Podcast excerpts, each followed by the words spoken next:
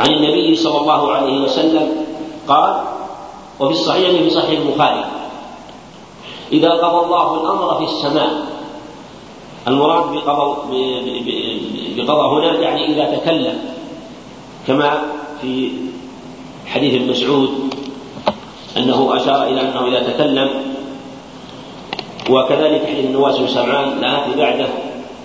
ففيه بيان أنه يتكلم بالوحي سبحانه وتعالى. فقضى الله الأمر يعني إذا تكلم الله بالوحي ضربت الملائكة بأجنحتها خضعانا وخشية وخوفا منه سبحانه وتعالى.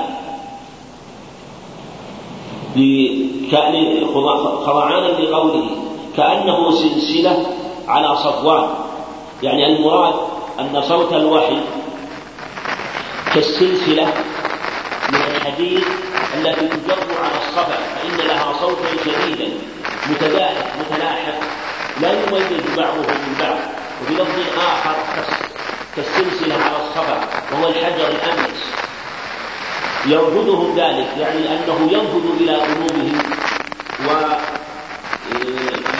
في دواخلهم حتى يغلب عليهم ويصيبهم شيء من الغشي والصعب بسبب شدة هذا الأمر.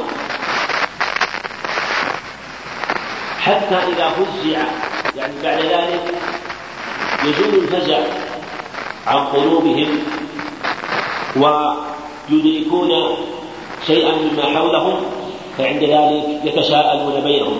قالوا ماذا قال ربكم؟ يعني ماذا تكلم؟ بماذا أمر؟ قالوا الحق وهو العلي الكبير. هنا يقولون قالوا الحق وهو العلي الكبير. جاء في الروايه الاخرى أن جبريل يخبرهم بما قال الله سبحانه وتعالى لأنه هو السفير بين الله وبين رسله وهو الذي آه، يأتي بالوحي من الله إلى رسله. قالوا الحق وهو العلي الكبير فيسمعها مسترق السمع وهم شياطين الجن الذين قد يتلقفون بعض الكلمات من السماء. وذلك أنه يركب بعضهم بعضا في السماء كما قال سفيان أنه يكونون فوق بعض فوق بعض هكذا. يعني حينما قال في آخر الحديث أنه حرف يده وبددها يعني أمالها وبددها فرقها فيكونون فوق بعضهم بعضا حتى يصلوا إلى السماء وإلى النجوم يعلون حتى يأتوا من السماء. فترسل عليهم الشهب ربما فتحرقهم وربما لم تحرق بعضهم. فيخطفون شيئا من الكلام إما من السحاب يعني قبل بعد نزوله من السماء وعند نزول الملائكة به أو يخطفونه من نفس ملائكة السماء حينما يعلون إلى السماء.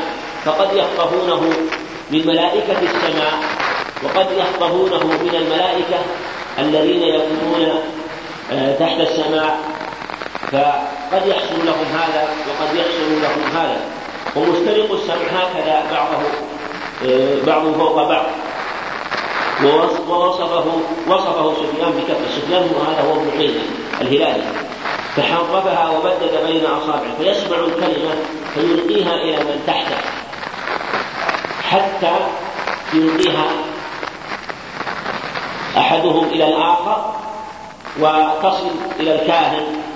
كما قال هنا حتى يلقيها على لسان الساحر أو الكاهن ممن يتعامل مع الشياطين فيخبرونه بأنه قال كذا وكذا. فربما أدركه الشهاب قبل أن يلقيها. ربما أحرقه وربما فات وألقاها بحكمة منه سبحانه وتعالى. وهذا يبين أن السماء محروسة وكما وأنها أيضا محروسة قبل بعثته عليه الصلاة والسلام. وظاهر الحديث العموم وظاهر الحديث العموم وأنه يتحدث وأن هذا عام في جميع ما يحيي الله به سبحانه وتعالى. وأنهم قد يتلقفونه سواء كان لنبينا أو قبل عليه الصلاة والسلام. وقد جاء في حديث ابن عباس في صحيح مسلم أنه قال آه، أنه رأى شهابا فقال ماذا كنتم تقولون؟ قال نقول مات عظيم ولد عظيم فذكر لهم الحديث أنها من الشهب التي ترسل على الشياطين. وقد ذكر آه، شيخ الإسلام في كتاب الجواب الصحيح كلاما معناه أن السماء محروسة قبل نبينا عليه الصلاة والسلام. ومحروسة بعد بعثته عليه الصلاة والسلام. وهو محروسة يعني بعدما بعث. إلى أن مات عليه الصلاة والسلام ومحروسة بعد وفاته عليه الصلاة والسلام. لكن حراستها بعد بعثته أشد. وشدد فيها وشدد في الحرس. بخلاف قبل بعثته بخلاف ذلك قبل بعثته فإنها أخف. وهذا وأيضا ظاهر كلام وظاهر كلام أيضا غير من العلم أنها بعد بعثته عليه بعد وفاته عليه الصلاة والسلام خف الأمر لانقطاع الوحي. فربما أدركه الشهاب قبل أن يلقيها. يعني قبل أن يلقي هذه الكلمة وربما ألقاها قبل أن يدركها. فيكذب معها مئة كذبة. يعني هذا الشيطان أو الس أو يعني أنه الساحر أو الكاهن. نعم الساحر أو الكاهن يزيد معها فيضرب فيها ويزيد فيها مئة كلمة هو يصدق بالكلمة هذه الواحدة التي استرقها الشياطين وألقوها إلى هذا الساحر أو الكاهن فيخبر بأنه يقع كذا يوم كذا وكذا فيصدقه الناس ممن تعلقت قلوبهم بالسحرة والكهنة وضعف أو انقطع انقطع تعلقهم بآيات القرآن وبهديه عليه الصلاة والسلام. فيقول أليس قال كذا وكذا يوم كذا وكذا؟ حينما يقال إنه لم يقع ذلك وإنه كذب يقول لا هو قال كذا وكذا يوم كذا وكذا وقع كما كان فيتعلقون بهذه الكلمة التي صدق فيها التي حصلت له بسبب إشراكه بالجن وعبادته لهم ويتركون تلك الكذبات التي كذبها. ففيه تعلق القلوب بالشيء وإن كان ضعيفا وذلك لا يكون إلا لضعف الإيمان. فيصدق بتلك الكلمة التي سمعت أو التي سمعت من السماء. وهذا الحديث جاء معناه أيضا آه، من حديث عبد الله بن مسعود موقوفا رواه البخاري معلقا موقوفا عليه. وقد أخرجه أبو داود بإسناد جيد موصولا مرفوعا. مرفوعا إلى النبي عليه الصلاة والسلام. وأيضا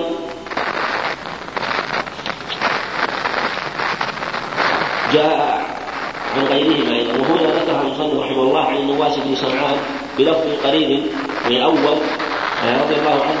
قال قال قال رسول الله صلى الله عليه وسلم إذا أراد الله أن يوحي بالأمر تكلم بالوحي. هذا يبين تلك الرواية وأن قضاءه سبحانه وتعالى بالأمر المراد به هو تكلمه به سبحانه وتعالى. أخذت السماوات منه رجفة. أو قال رعدة شديدة. سبب ذلك أنه خوف منه من الله سبحانه وتعالى. خوفا من الله عز وجل. أن أن يكون حصل شيء فلأجل هذا يصيب هذا الخوف الشديد ليسبب لها آه، تلك الرجفة. فإذا سمع نعم. وفي هذا زيادة أن الخوف يصيب السماوات. إضافة إلى الملائكة على عظم خلقها يصيبها ذلك الخوف. وفيه ما هو أعظم وهو أنها تدرك حتى تخشى منه سبحانه وتعالى. وفيه شاهد لما ذهب إليه كثير من العلم وعليه تدل النصوص أن ما في الكون يسبح بحمده سبحانه وتعالى ولأجل هذا نسب إليها الخوف منه سبحانه وتعالى. فإذا سمع ذلك أهل السماوات صعقوا يعني أصابوا شيء من الغشي وخروا لله سبحانه. ويصيبهم الغشي أو الغشي ويخلقون له سبحانه وتعالى سجدا خوفا من أن يصيبهم شيء تعظيما له وخضوعا له سبحانه وتعالى. ويكون أول من يرفع رأسه جبريل لأنه أفضل الملائكة. وهو الذي يتكلم بالوحي وهو الذي يأتي بالوحي إلى رسله سبحانه وتعالى. فيكلمه الله. هذا فيه صراحة أن الله يكلم جبريل. يعني أنه سبحانه وتعالى يتكلم به إلى جبريل وأن جبريل يسمعه من منه سبحانه وتعالى. ثم جبريل يتكلم به إلى إلى من أمر آه، بأن يوحي به إليه من رسله. فيكلمه الله بالوحي بما أراد. ثم يمر جبريل جبريل على الملائكة. كلما مر بسماء سأله ملائكتها. ماذا قال ربنا يا جبريل؟ لماذا تكلم؟ وفيه انهم كما سبق لم يقولوا ماذا خلق ربنا وهذا من أدلة السنة أن أنه سبحانه وتعالى يتكلم وأدلته متواترة في الكتاب والسنة خلافا للجهمية والأشاعرة. فيقول قال الحق يعني يقول جبريل قال الله الحق يعني قول الحق وهو العلي الكبير. فيقولون كلهم مثل ما قال جبريل فينتهي جبريل بالوحي إلى حيث أمره الله عز وجل. نعم. الشاهد من الحديث هو ما يصيب الملائكة من الخوف الشديد ويصيب السماوات بالخوف الشديد ومع هذا فلا يجوز أن يتخذوا عبادا من دونه سبحانه وتعالى. فإذا كان لا يتخذ لا يتخذ هؤلاء الملائكة لا يتخذون عبادا من الله فغيرهم من باب أولى أن لا يتخذوا عبادا من دونه. نعم.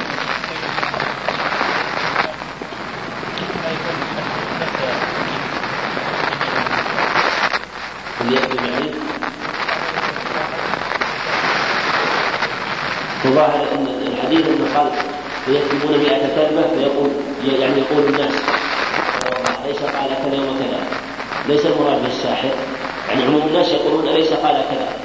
وهم وهم يخاطبون الساحر ويتصلون بالساحر أو الكهف فالذي يكذب يظهر إنه الكافر الذي هو وسيط بين الشياطين وبين الناس. فيدخل فيأخذ من الشياطين ويزيد فيها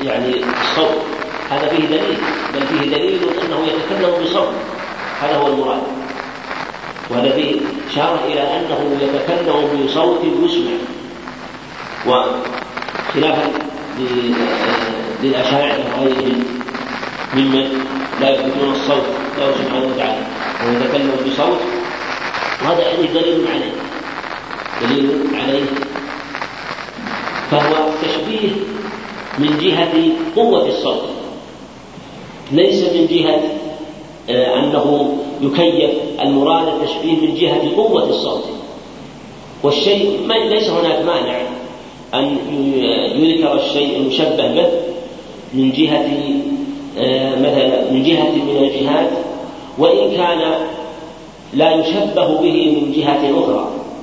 مثل مثلا حينما قال في حديث عائشة في صحيح البخاري لما قال كيف يأتيك الوحي؟ قال يأتيني كصوت؟ نعم. كصلصلة الجرس نعم. كصلصلة الجرس. مع أن الجرس منهي عنه. أليس هو منهي عنه؟ على خلاف أن هو نهي تحريم وكراهة. ومع هذا شبه عليه الصلاة والسلام جبريل بإتيانه إليه كصلصلة الجرس. فالتشبيه بصلصلة الجرس ليس من جهة الطنين من جهة شدة الصوت وقوته. فهكذا قد يشبه الشيء بالشيء من جهة ولا يلزم منه أن يشابهه من جهة أخرى والمقصود هو بيان أنه سبحانه وتعالى يتكلم بكلام له صوت وهذا الصوت له شدته ووقفه على على هؤلاء على الملائكة حتى يحصل لهم ما يحصل من الغش والصعب باب قول الله تعالى أو يشركون ما لا يخلق شيئا وهم يخلقون ولا يستطيعون لهم نصرا ولا أنفسهم ينصرون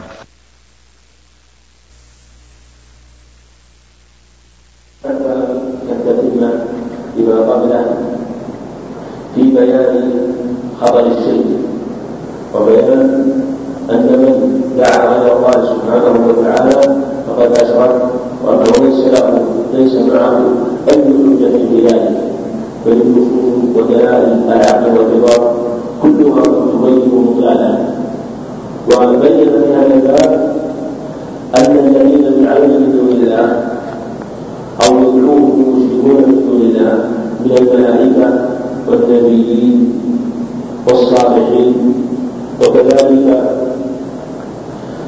ما يدعى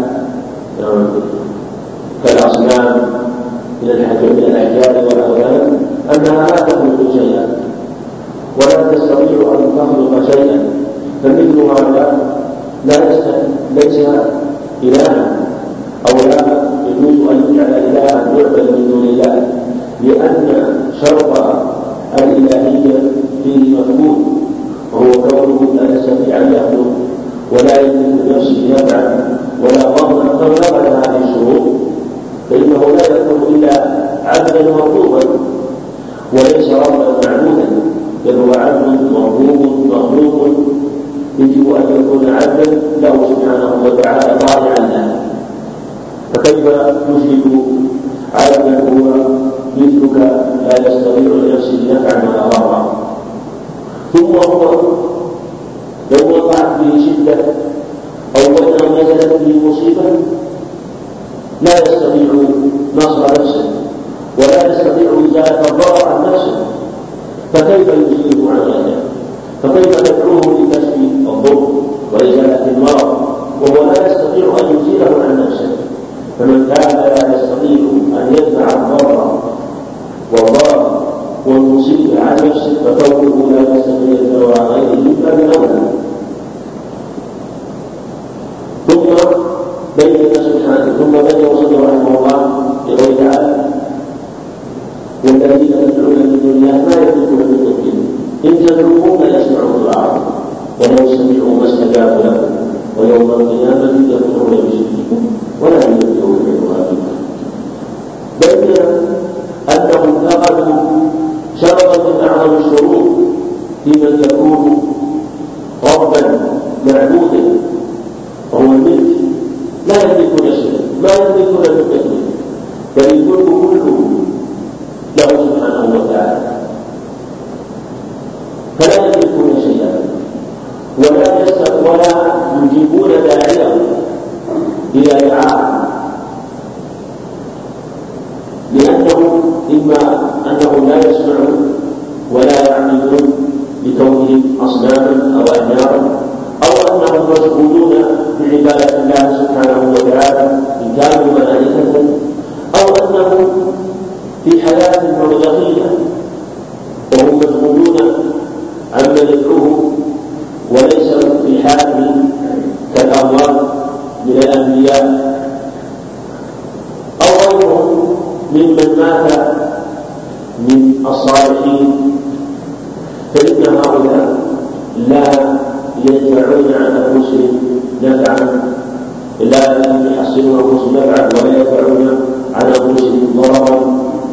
فكل هذه تبين انه لا يجوز أن يدعوا من دون الله سبحانه وتعالى. وإذا علم هذا تبين أن من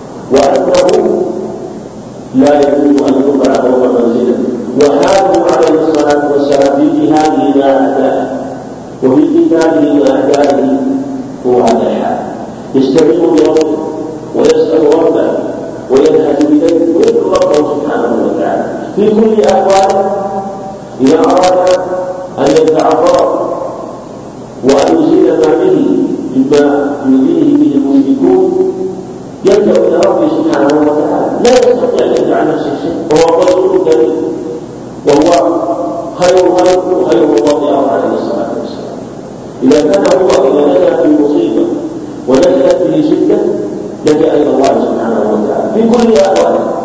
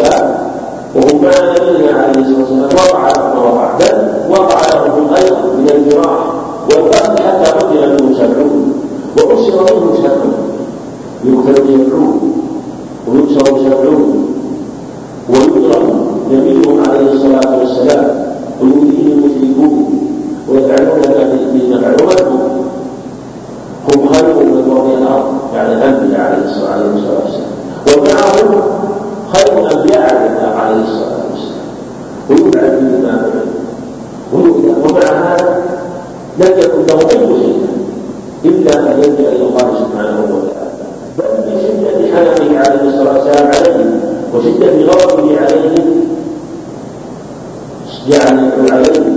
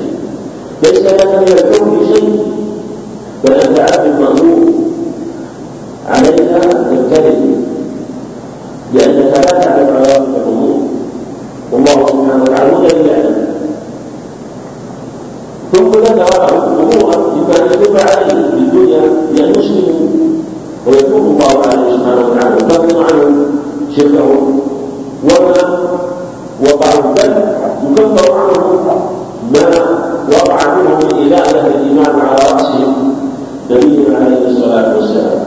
أو يعذبهم بالدنيا بالقتل والأسد وبالآخرة بالنار لأنه ما فعل الشرك. فإنهم ظالمون في أفعالهم هذه مستحقون لما ينزل به لكن كل ذلك ليس لك يا غيره يخاطبه ربه ليس لك بذلك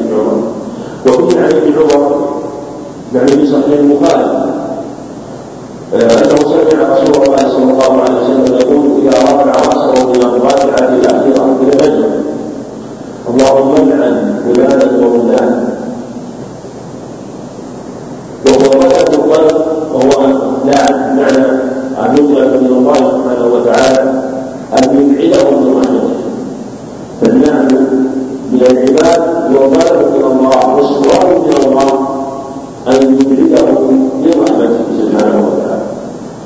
اللهم انعم بذلك وبذلك. بعدما يقول سمع الله لمن حمده. ربنا ولك الحمد. فأنت الله ليس لك من الأمر شيء.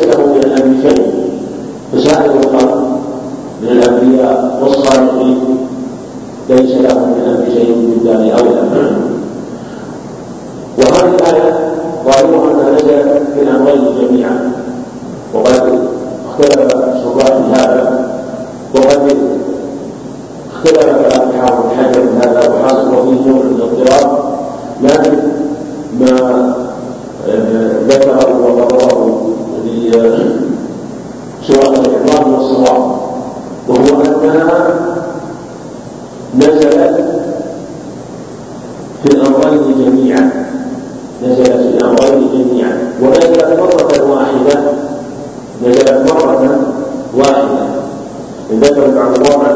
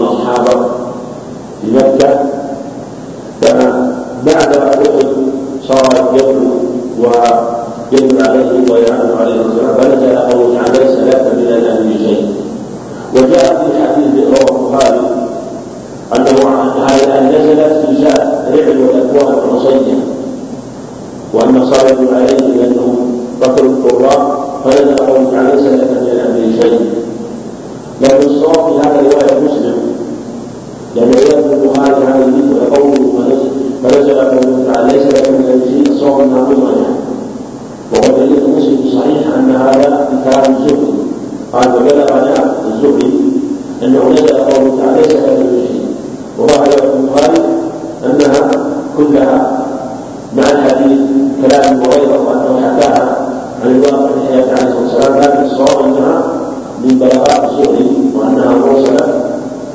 وعلى هذا لأن صنيع الأكوان بعد ذلك تأخر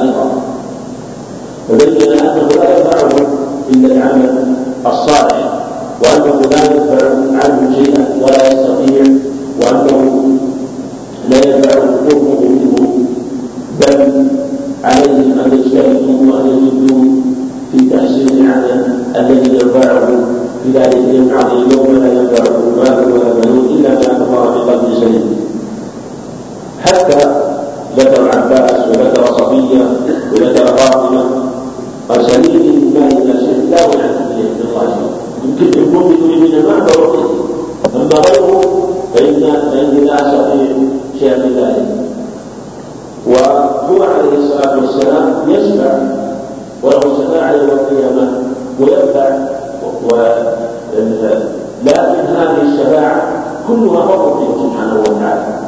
ليست منه ابتداء عليه الصلاة والسلام بل هي بفضل منه سبحانه وتعالى. فهو الذي تفضل بها على عبده ورسوله محمد عليه الصلاة والسلام. وهو الذي أذن له بالشفاعه ففيه بقول لا عن عن شيئا فيه بيان أو المبالغه في أنه يجب على أن يحتوى في ذلك المقام العظيم وخاصة إذا كان موقع المقام مقام تحليل فإنه يسوء فيه مثل هذا الكلام وإن كان عليه الصلاة والسلام ينفع بالاسباب التي يعطيه إياه يعطيه الله إياها من الشفاعة يوم القيامة وفي رفعه درجات قوم آخرين. إلى غير ذلك مما يقع له من الكرامات في ذلك المقام العظيم باب الشفاعة. وقول الله عز وجل وأنذر به الذين يخافون أن يحشروا إلى ربهم ليس لهم من دونه ولي ولا شفيع. أراد المصنف رحمه الله بهذا بيان شيء بيان شيء من باطل المشركين وما يتعلقون به بإشراكهم حيث أنه ذكر في الأبواب التي قبل هذا بطلان الشرك ودلل عليه وأورد هنا شيئا مما يتعلقون به وبين أنه باطل بنص الكتاب والسنة وأن ما عملوه هو في الحقيقة عين ما يمنعهم من الجنة وعين ما يوجب لهم النار وأنهم تعلقوا بسبب هو الشرك بعينه وهي الشفاعة التي ادعاها المشركون الشفاعة المنفية التي نفاها الله سبحانه وتعالى. وهذه الشفاعة وهذه الشفاعة هي الشفاعة التي يظن المشركون أن المشفوع أن الشافع يؤثر في المشفوع ويجعله فاعلا قبل أن قبل وكان قبل ذلك لا يريد أن يفعل ولا يريد أن يشفع أو أن يشفع الشافع.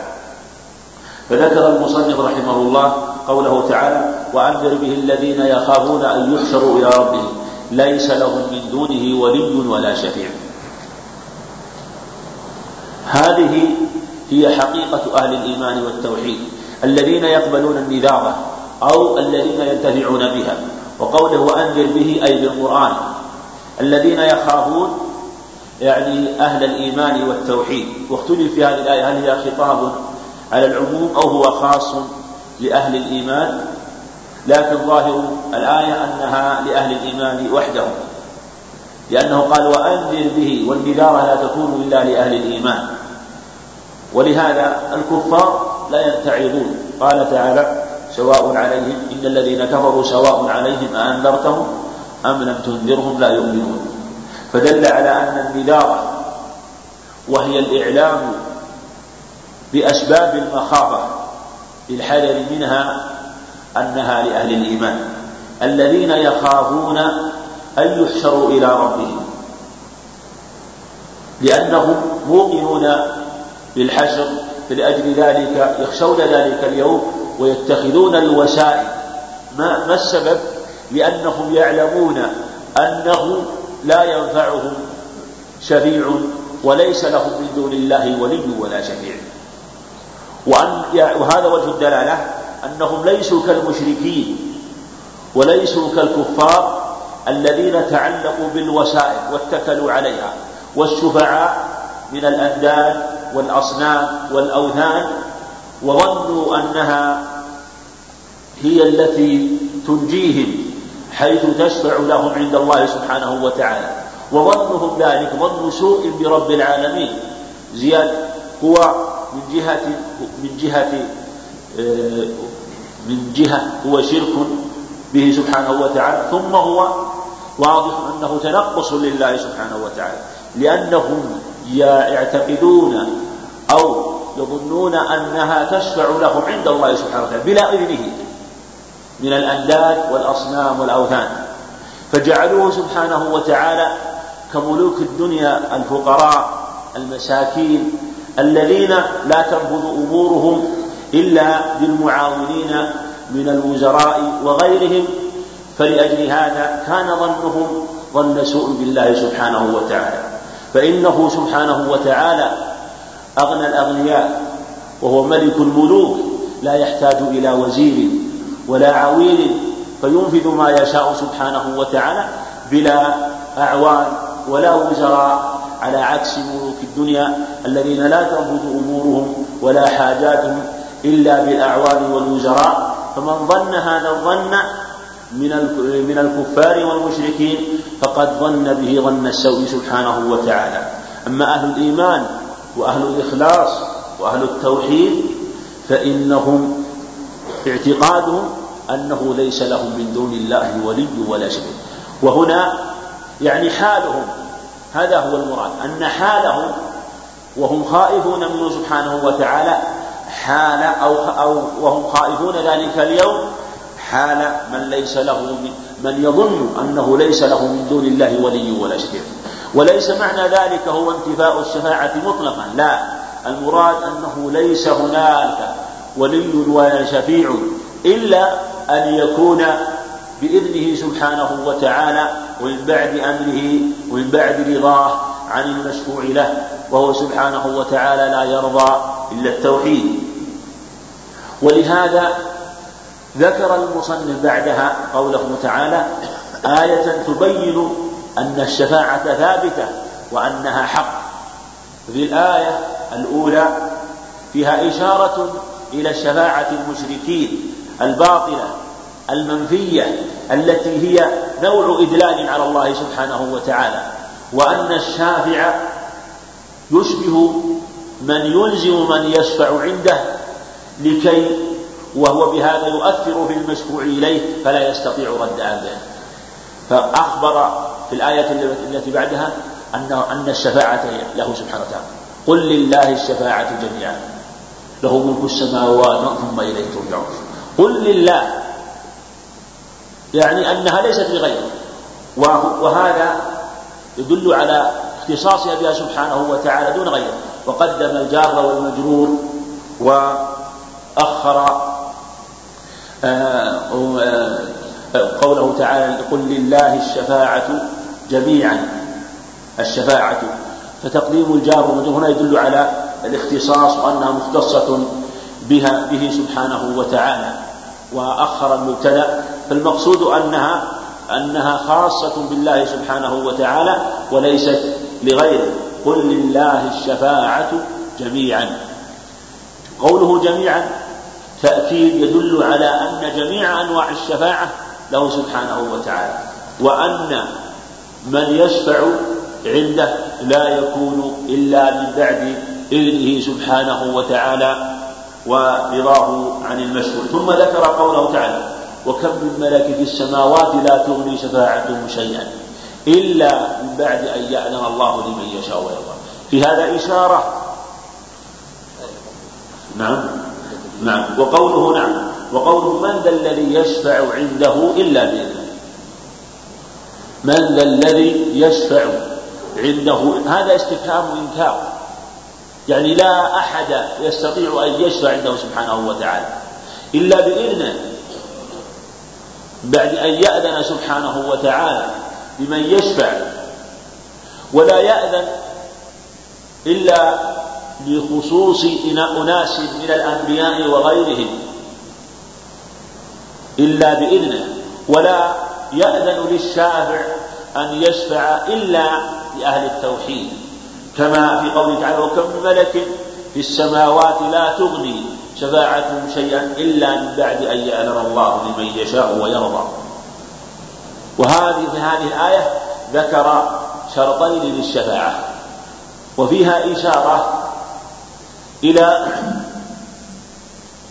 أن المشركين على باطل وضلال حيث أنهم يظنون أن الأنداد والأصنام والأموات تشفع عند الله سبحانه وتعالى بلا إذنه.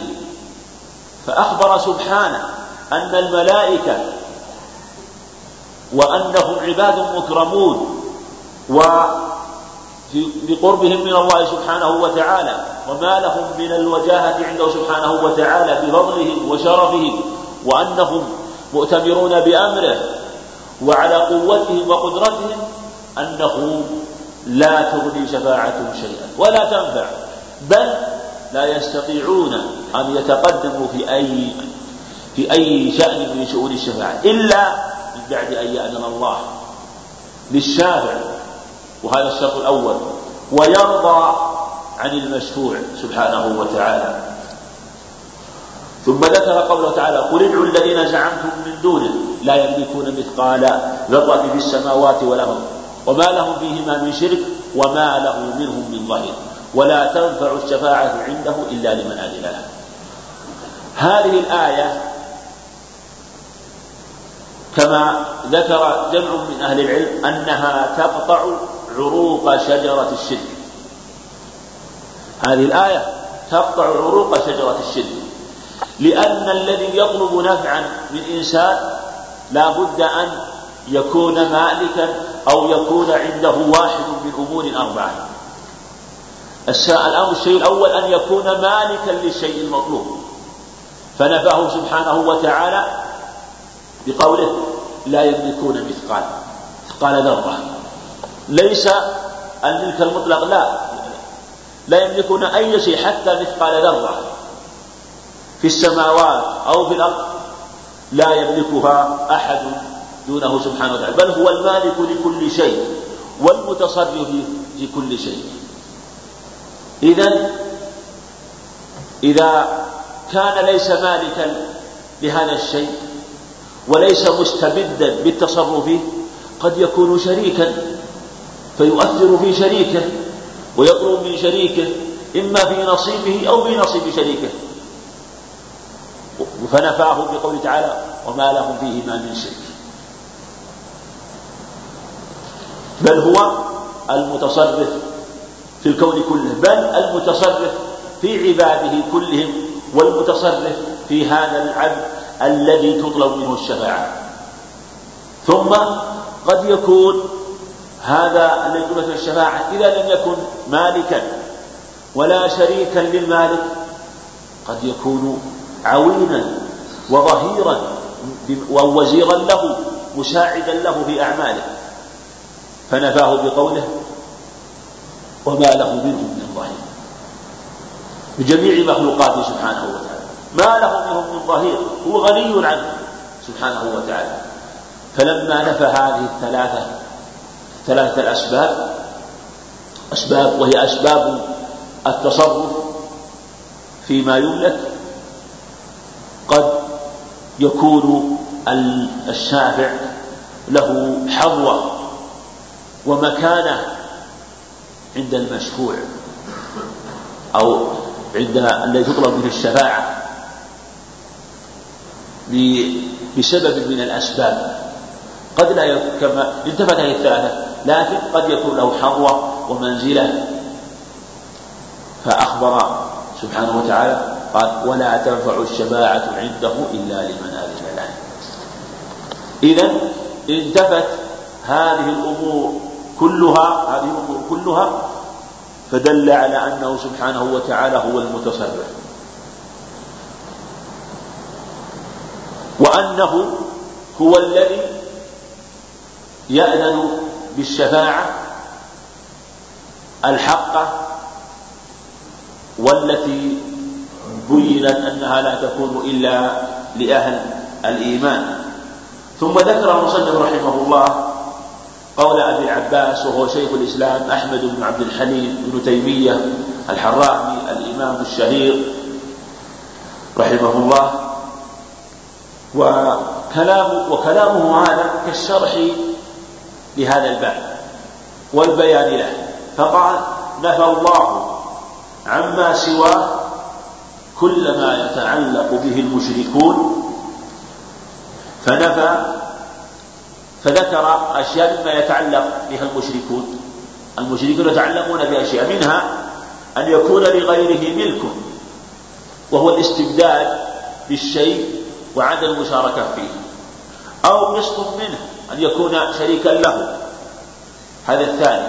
الثالث أو يكون عونا له. عونا له وزيرا أو معاونا أو ما أشبه ذلك. ولم هذه الثلاثة. ثم بعد ذلك قال ولم يبقى إلا الشفاعة. فبين يعني سبحانه وتعالى أنها لا تنفع هذه الشفاعة إلا لمن أذن له الرب. إذا هي لا تكون شفاعة مقبولة إلا بعد إذنه سبحانه وتعالى. كما قال ولا يشفعون إلا لمن ارتضى لا يطلبون الشفاعة ولا يتقدمون بطلبها إلا لمن ارتضى سبحانه وتعالى وهو لا يرضى إلا التوحيد من أهل التوحيد. فهذه الشفاعة التي يظنها المشركون وهي الشفاعة الباطلة وهي أن الشافع يؤثر في المشفوع بطلبه الشفاعة. وهذه الشفاعة التي يظنها المشركون هي كما سبق شفاعة كشفاعة أهل الدنيا بعضهم لبعض. ظنوا أنها تطلب منه سبحانه وتعالى كالشفاعة للكبار من الملوك والأمراء وغيرهم ظنوها فيها سبحانه وتعالى. وقد تكون الشفاعة من الأعلى يعني قد تكون الشفاعة من الأعلى للأدنى. وقد تكون من الأدنى إلى الأعلى وقد تكون من المساوي للمساوي. كلها شفاعة لكنها في الغالب أنها تكون من الأدنى للأعلى. وقد تكون بواحد من الأمور من من الأمرين الآخرين أيضا. فالمشركون ظنوا هذه الشفاعة وأنها تكون يوم القيامة فنفاها سبحانه وتعالى. فهذه الشفاعة التي يظنها المشركون هي منتفية يوم القيامة كما نفاها القرآن. وأخبر النبي صلى الله عليه وسلم أنه يأتي فيسجد لربه ويحمده لا يبدأ بالشفاعة أولا ثم يقال له ارفع رأسك وقل يسمع وسأل تعطى واشفع تشفع. فهذه الشفاعة كما أخبر وسلم نفاها الله سبحانه وتعالى. في عدة آيات كقوله تعالى فما تنفعه شفاعة الشافعين. والرسول عليه الصلاة والسلام كما ذكر مسلم رحمه الله إذا أتى لطلب الشفاعة يسجد لله سبحانه وتعالى. إذا رأى بربه سجد هذا أول ما يفعل. لا يتقدم ولا يسأل ولا يستأذن بالشفاعة أولا أول ما يفعل يسجد له سبحانه وتعالى. ثم يا كما في الحديث وقد ارفع رأسك وسأل تعطى واشفع تشفع. أو ارفع رأسك وقل يسمع. وسأل تعطى واشفع تشفع وجاء وهذه الجملة لها تفاصيل كثيرة ذكرها أهل العلم الشفاعة وفيها مباحث كثيرة هذه المسائل ومباحث شريفة بينها أهل العلم في كتب التوحيد والعقيدة. لكن أشار المصنف رحمه الله إلى شيء منها. وقال أبو هريرة من أسعد الناس بشفاعتك؟ قال قال لا إله إلا الله مخلصا من قلبه وفي لفظ من نفسه. وهذا الحديث في صحيح البخاري وغيره يبين مخلصا وخالصا. في الصحيحين أو في صحيح البخاري مخلصا. وخالصا أيضا كلها وردت فهذه الشفاعة هي أو أسعد الناس بها من قال لا إله إلا الله خالصا من قلبه. والرسول عليه الصلاة والسلام له شفاعات كثيرة أو له شفاعات في ذلك المقام أعظمها وأكبرها والتي اختص بها وأجمع عليها وأجمع العلم انها من خصائصه عليه الصلاة والسلام هي شفاعته بتخليص الناس من كرب ذلك اليوم لكي يفصل بينهم فيقضى بينهم ويحاسبون. هذه هي الشفاعة. ثم له شفاعات أخرى عليه الصلاة والسلام شفاعة في الإذن لأهل الجنة أن يدخلوا الجنة وأن يفتح لهم باب الجنة. وهذه أيضا من الشفاعات الكبار التي أسعد الناس بها من سبق إلى الجنة ودخل إليها مع أول الداخلين حينما يؤذن لأهل الجنة. وكذلك شفاعات كثيرة آه، ليست خاصة به عليه الصلاة والسلام بل له ولغيره وفي شفاعة فيها وفي شفاعة شفاعة اتفق عليها أهل السنة وقال فيها المعتزلة والخوارج وهي الشفاعة للعصاة الذين يدخلون النار. وهذه أجمع عليها العلم وتواترت بها الأخبار عنه عليه الصلاة والسلام. وشفاعة أخرى أيضا في أناس استوجبوا النار لمعاصي ارتكبوها ويشفع عليه الصلاة والسلام ألا يدخلوها وهذه ذكرها جمع من أهل العلم لكن يحتاج إلى معرفة الدليل عليها على هذه الشفاعة. وشفاعة أيضا في أناس دخلوا الجنة فيشفع فيهم عليه الصلاة والسلام أن يرفعوا في منازلهم. وشفاعات أخرى وشفاعته عليه الصلاة والسلام شفاعة خاصة في أبي طالب يشفع له يوم القيامة حتى يكون في ضحضاح من النار. إلى غير ذلك من الشفاعات. وهناك ذكروا شفاعات أخرى لكن من هذه الشفاعات كما قلنا ما هو خاص به عليه الصلاة والسلام ومنها ما ليس خاصا به.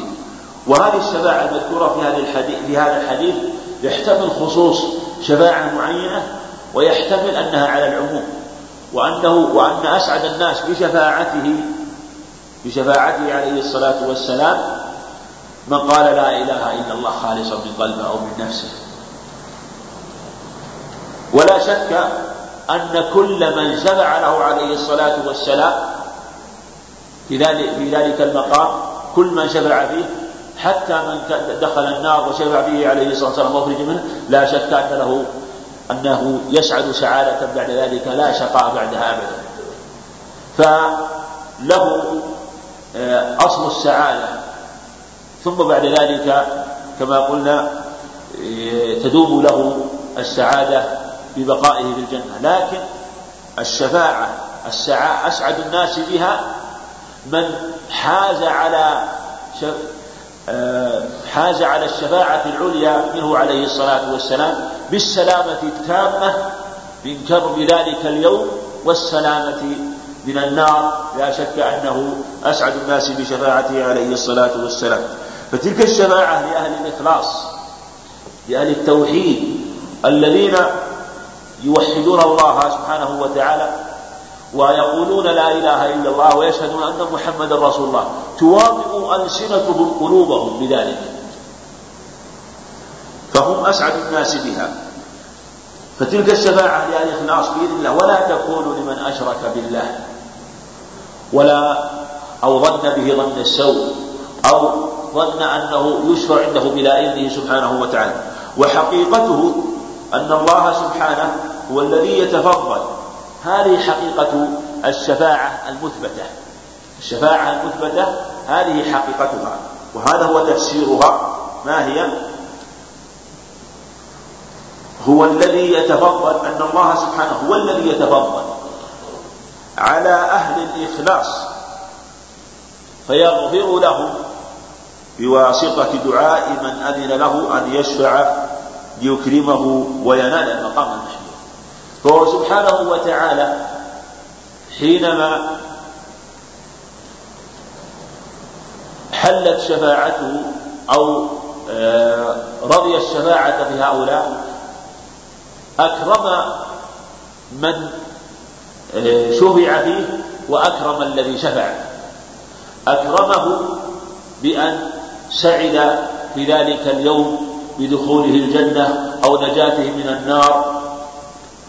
أو رفعة درجته وكذلك أكرم من شفعه في ذلك المقام وأعظم الشفعاء وأكرمهم هو سيد وهو نبينا محمد عليه الصلاة والسلام.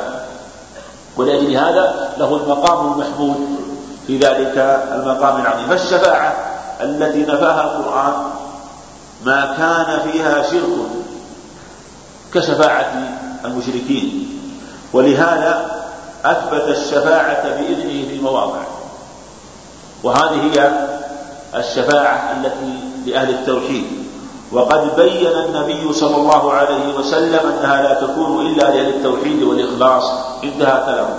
يعني أراد أنه سبحانه وتعالى حيث نفى الشفاعة فإنه أراد شفاعة باطلة وهي الشفاعة التي يظنها الإشراك وحيث أثبت الشفاعة فأراد الشفاعة الحقيقية التي هي لأهل التوحيد والإخلاص لمن أذن له سبحانه وتعالى ورضي عمله والله أعلم. نعم.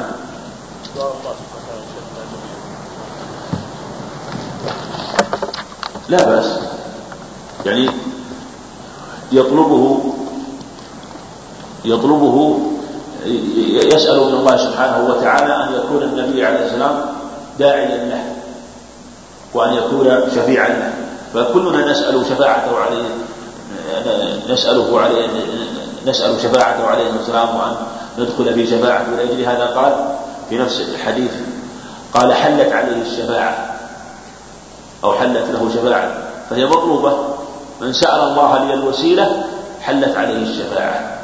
فهذا هو سبب حصول الشفاعة وهو بهذه الأدعية وما أشبهها لكن يعلم مثلا حينما قال عليه الصلاة والسلام حلت عليه الشفاعة لا شك أن الدعاء هذا من أسباب حصول الشفاعة لكن كلمة التوحيد والإخلاص أعظم من هذا الدعاء في طلب حصول الشفاعة.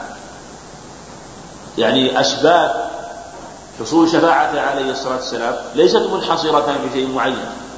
لا اتباعه عليه الصلاة والسلام من أعظم الوسائل في حصول شفاعته.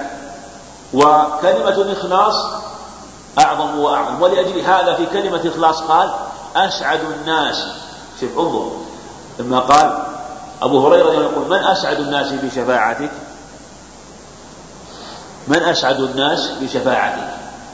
إما المراد أنه من أعظمهم سعادة أو من هو السعيد. أو من هو السعيد بشفاعته أو من هو أسعد على بابها على صيغة التفضيل وهذا أظهر أنه من أعظمهم سعادة. لأنهم في ذلك المقام يتفاضلون بشفاعته فبعضهم أسعد بالشفاعة من بعض وبعضهم يحصل الشفاعة العليا منه عليه الصلاة والسلام. فأخبر أن أسعد الناس بشفاعته من قال لا إله إلا الله خالصا من نفسه أو من قلبه. وفي حديث الدعاء حديث جابر ذكر بعد ذلك أنه أنه إذا قال ذلك الدعاء قال حلت عليه الشفاعة. وفي لفظ حلت لفظ مسلم حلت له الشفاعة. ما قال هو أسعد الناس بشفاعته؟ قال حلت له. وهذا يبين أنه يحصل له آه، جنس الشفاعة. أما في كلمة